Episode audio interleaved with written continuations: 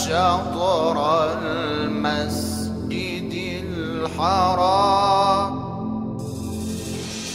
أحرمت وميقاتي دمعي ورحلت إليك وليت فؤادي شطر غواك وبين أعوذ بالله من الشيطان الرجيم. بسم الله الرحمن الرحيم. الحمد لله رب العالمين وصلى الله على محمد وآله الطيبين الطاهرين. قال تعالى بسم الله الرحمن الرحيم.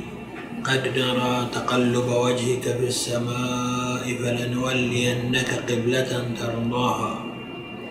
فول وجهك شطر المسجد الحرام وحيث ما كنتم. وولوا وجوهكم شطره. وإن الذين أوتوا الكتاب ليعلمون أنه الحق من ربهم. وما الله بغافل عما يعملون.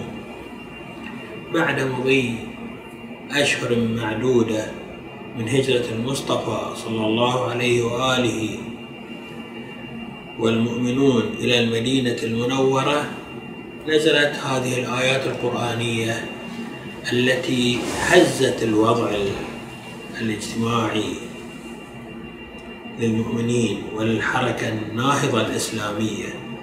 وأسست لجملة من القواعد والمبادئ التي هيأت لانطلاقة عالمية دينية للإسلام. تغيير القبلة بمفهومه المباشر هو تحديد جهة الصلاة جهة القبلة في الصلاة ولكن بمعناه الواسع هو تأسيس اتجاه جديد ومنهجية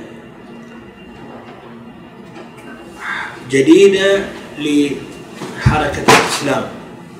لعلنا آه، لا يعني آه، نبالغ إذا ذكرنا أن هذه الآيات القرآنية الواردة في شأن تغيير الهجرة تغيير القبلة هي آيات لتأسيس لمرحلة جديدة من دور الإسلام وعطاء الإسلام ومبادئ التي أنزلت على المؤمنين.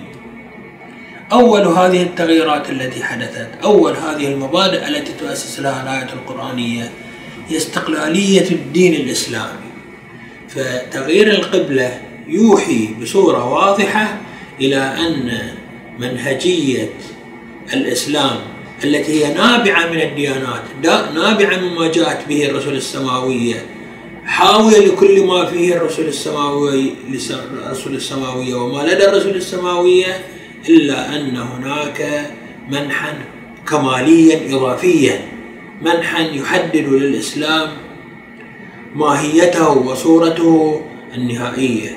هذا التغيير الذي حدث كان توجيه الإسلام والمسلمين إلى حركة معرفية وإيمانية متكاملة جاءت بها الرسالة السماوية.